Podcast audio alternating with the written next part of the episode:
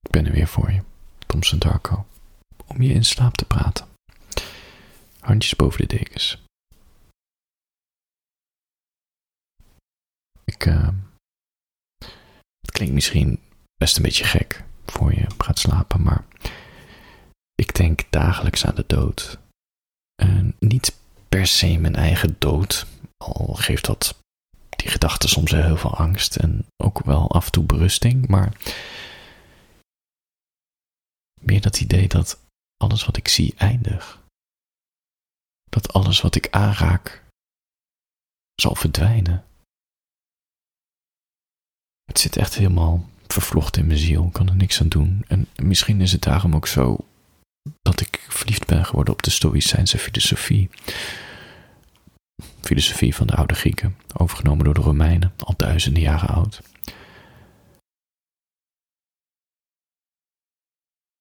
Dit is een van die hoofdpunten van de filosofie. Dat, dat is een dagelijks uitgangspunt. Dat is memento mori. De Latijnse zin, gedenk dat jij zult sterven. Want als een echte stoïcijn, dat zet alles in perspectief. Als je daar elke dag aan denkt, weet je beter wat je prioriteiten zijn. Want als je zult sterven morgen, of morgen, eh, of later vandaag, wat is het dan wat je nu moet doen, wat je moet doen? Wat is onzin en wat verdient al jouw aandacht? Begrijp je? Het is een soort oppeppende, een oppeppende zin.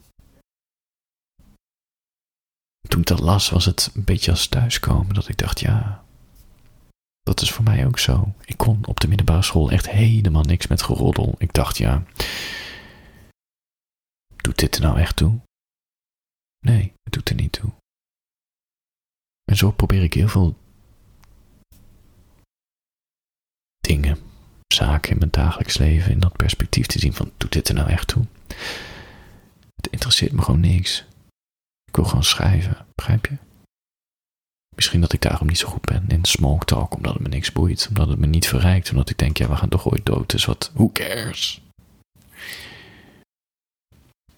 Maar denk nu niet dat ik depri ben hoor, door mijn dagelijkse gedachten over de eindigheid van alles. Ik ben een periode depressief geweest. Je zou bijna zeggen van, nou, vind je het gek, maar had dat andere reden, maar toch. Dan kan je zeggen, bij depressiviteit zijn deze gedachten er ook.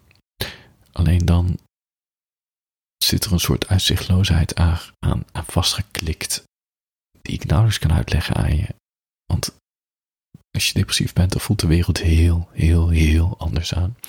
Heel zwaar en heel eenzaam en heel kut en heel leeg. Het, het, is gewoon niet uit te leggen. Het is, het is niet down zijn. Dat is het niet. Van, dat je daarvan maar niet meer ziet zitten. Depressie is dat de hele wereld in leegte en in zwaarte en in zinloosheid terugkijkt. En hoewel ik sowieso, nou ja, dagelijks denk aan de dood en de zinloosheid van alles, zit daar nog een soort ironie in. Weet je, ik zie daar een soort absurdisme in. Dat ik mensen zo. Ik, ik zag een vrouw een rotonde oversteken. Er zat een kind voorop in de fiets, een kind achterop op de fiets. Zat in de ene hand een hond aan de riem, dus die, die rende mee. Er zat ook nog een rugzak op. Ja, ze was gewoon aan het ploeteren. Ja, dat vond ik absurdistisch. Denk ik, ja, dit is je leven geworden. Kinderen in leven houden. Ze op een plaats van bestemming brengen. Een hond tevreden stellen. dat op een fiets. Niet elektrisch, ook nog eens. En er stond ook nog wind. Oei, oei, oei. Ik weet niet. Ik, ik kon me moeilijk voorstellen en dat was ook niet echt op haar gezicht, aan haar gezicht af te lezen, dat ze op dit moment de gelukkig was. Terwijl ik tegelijkertijd dacht, ja, misschien was dit wel altijd haar geluk geweest. Een gezinnetje en een hond. En dan is dit de realiteit. Bloederend op een fiets. Ja. Nou ja. Geen idee wat mijn punt is. Als je depressief bent, dan dan komt dit soort informatie, als je zo'n vrouw ziet ploeteren, echt heel, heel zwaar binnen. En nu zag ik er nog wel de ironie van, ook de romantiek en een soort van, ja, ja, nou ja, wat ik net zei.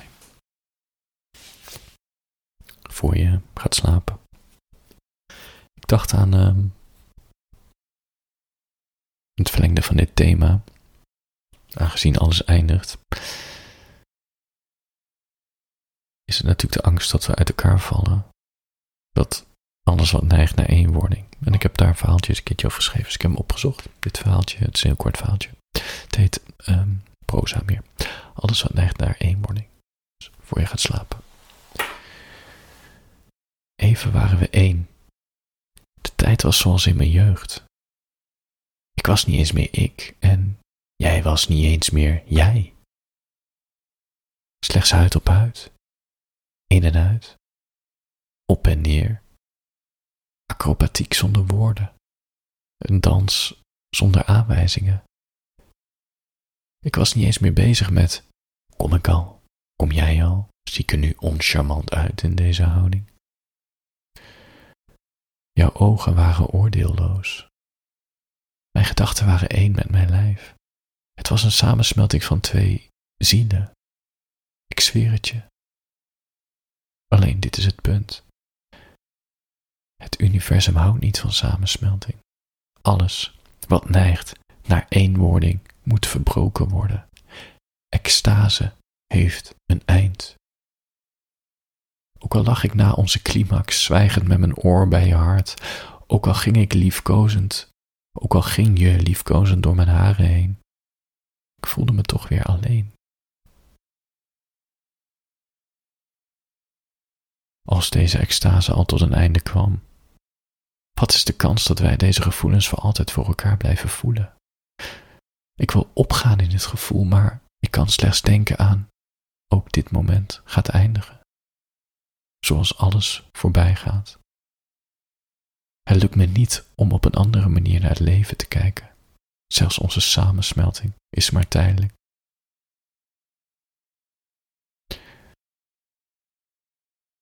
Voor je gaat slapen. Had het in mijn vorige in slaap bericht over dat ik een stukje herlas van vrouwen die Charlie hadden. Dat ik me toen ook herinnerde van toen ik het opschreef dat ik het heel confronterend vond. Omdat ik een soort waarheid naar boven had gebracht. Uh, dat was die zin, ik wilde de bevestiging dat ze me leuk vond, maar ze moest niet zeggen dat ze meer van me wilde. Ik vond het heel confronterend, omdat dat ook, ook over mij ging. Ik hou van aandacht, maar het moet, niet, met verantwoordelijkheden komen en niet met te veel verwachtingen en verplichtingen, want dan voel ik me weer benauwd en dat wil ik niet. Ik zat er nog over na te denken. Je zou denken dat dit over liefde gaat en over bindingsangst, maar ik had dit al in mijn jeugd. Ik, zat, ik had het al op de basisschool. Dit, het, het, het, het is gewoon een fundament in mijn persoonlijkheid.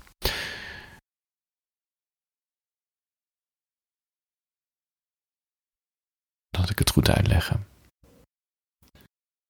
Ik vind het fijn om te horen dat iemand me aardig vindt en ik wil ook graag dingen doen om die band te, te versterken, te bevestigen, maar hij moet gewoon niet met die verplichtingen komen.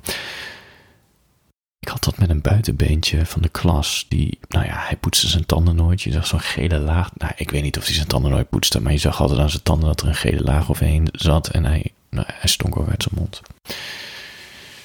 Weet je, misschien was het wel een maagklep die niet werkte. Dat zou kunnen. Maar die gele tanden verraden ook een hoop. Maar ik, weet je, boeien dat hij dit had. Het was gewoon, ik ging graag met hem om. Het was een leuke kerel. Het was een leuke vent. Wel een buitenbeentje, maar het was een leuke vent. Alleen als ik hem elke keer wat meer aandacht gaf dan normaal. In de klas, weet je, tijdens de pauzes of, of tijdens gym. Dat je samen wat dingetjes doet of dat je een koppeltje vormt met allemaal van die oefeningen. Dan ging hij me ook gelijk die zaterdag bellen om iets samen te doen. En dan die zaterdag erop weer. En nou ja, totdat ik hem een paar keer zei van, nee, sorry, druk, bla bla bla, dan stopte het weer. Totdat ik de volgende keer weer aandacht gegeven, dan ging hij meer weer die zaterdag bellen. Een of andere manier kreeg ik er error van, van, ja, ik vind je aardig, maar ja, om nou dingen op zaterdag te doen, weet je, zulke goede vrienden zijn we nou ook weer niet. En dat idee hoef je ook zeker niet te krijgen. Bovendien, hij was een plakker. Dus als, je, als ik iets samen met hem ging doen, woensdagmiddag bijvoorbeeld, dan wilde hij de hele dag iets samen doen. Het liefst tot half zes, tot het moment nou ja, dat een of de ander moet gaan eten. En ik vond het leuk om woensdagmiddag of op zaterdag met, met vrienden af te spreken. Weet je, dan ging je gewoon een uurtje of twee uurtjes of drie uurtjes met uh, voetballen. Of anderhalf uur door de wijk fietsen om daarna weer afscheid te nemen. En gewoon ging ik weer naar huis en dan ging ik mezelf vermaken. Alleen. Maar van hem kwam ik niet af. Hij bleef maar aan me plakken. Dus ja, dan nam ik weer wat afstand, zodat hij ook weer wat afstand van mij ging nemen.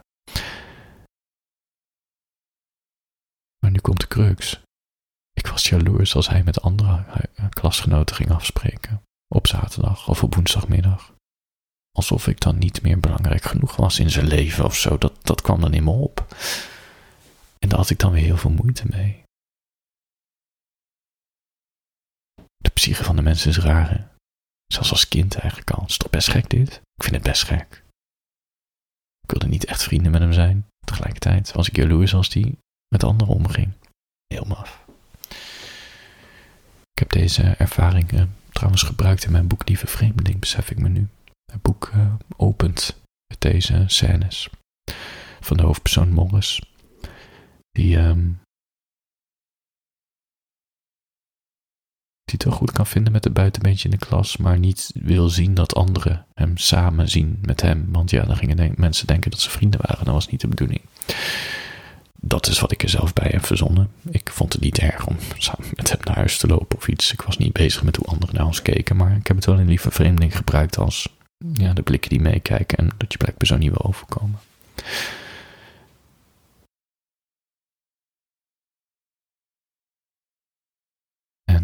ik ben er tijdens dat schrijven achtergekomen van.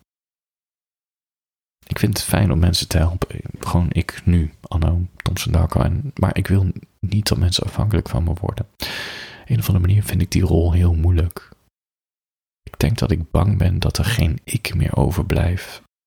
Geen, ja, geen ik meer overblijft als ik zonder verantwoordelijkheid heb ten opzichte van een ander dat ik ook niet op tijd nee kan zeggen, mijn grenzen niet goed kan beschermen. En ja, omdat ik ook graag alleen ben. Nou ja, tegelijkertijd is er natuurlijk helemaal geen goede strategie in de relaties die je aangaat met mensen. Gewoon vriendschappen, buren. Want relatie is niet een relatie om mij voorwaarden. Het is toch een soort wisselwerking, toch? Ik zou op de een of andere manier een manier moeten vinden om intimiteit in een relatie toe te laten en mijn alleentijd goed te, te beschermen. Ja. ja, daar ben ik nog niet helemaal uit. Ik weet wel dat dankzij schrijven ik mezelf al beter ken. Het helpt dit soort scènes op te nemen in fictief werk, omdat het uiteindelijk ook iets zegt over mij. Dat ik ermee bezig ben.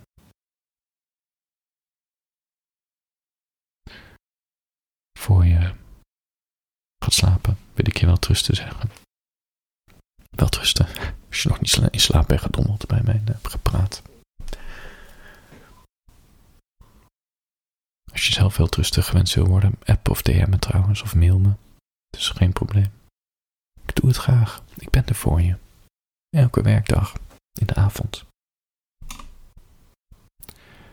Handjes boven de dekens. Slaap lekker.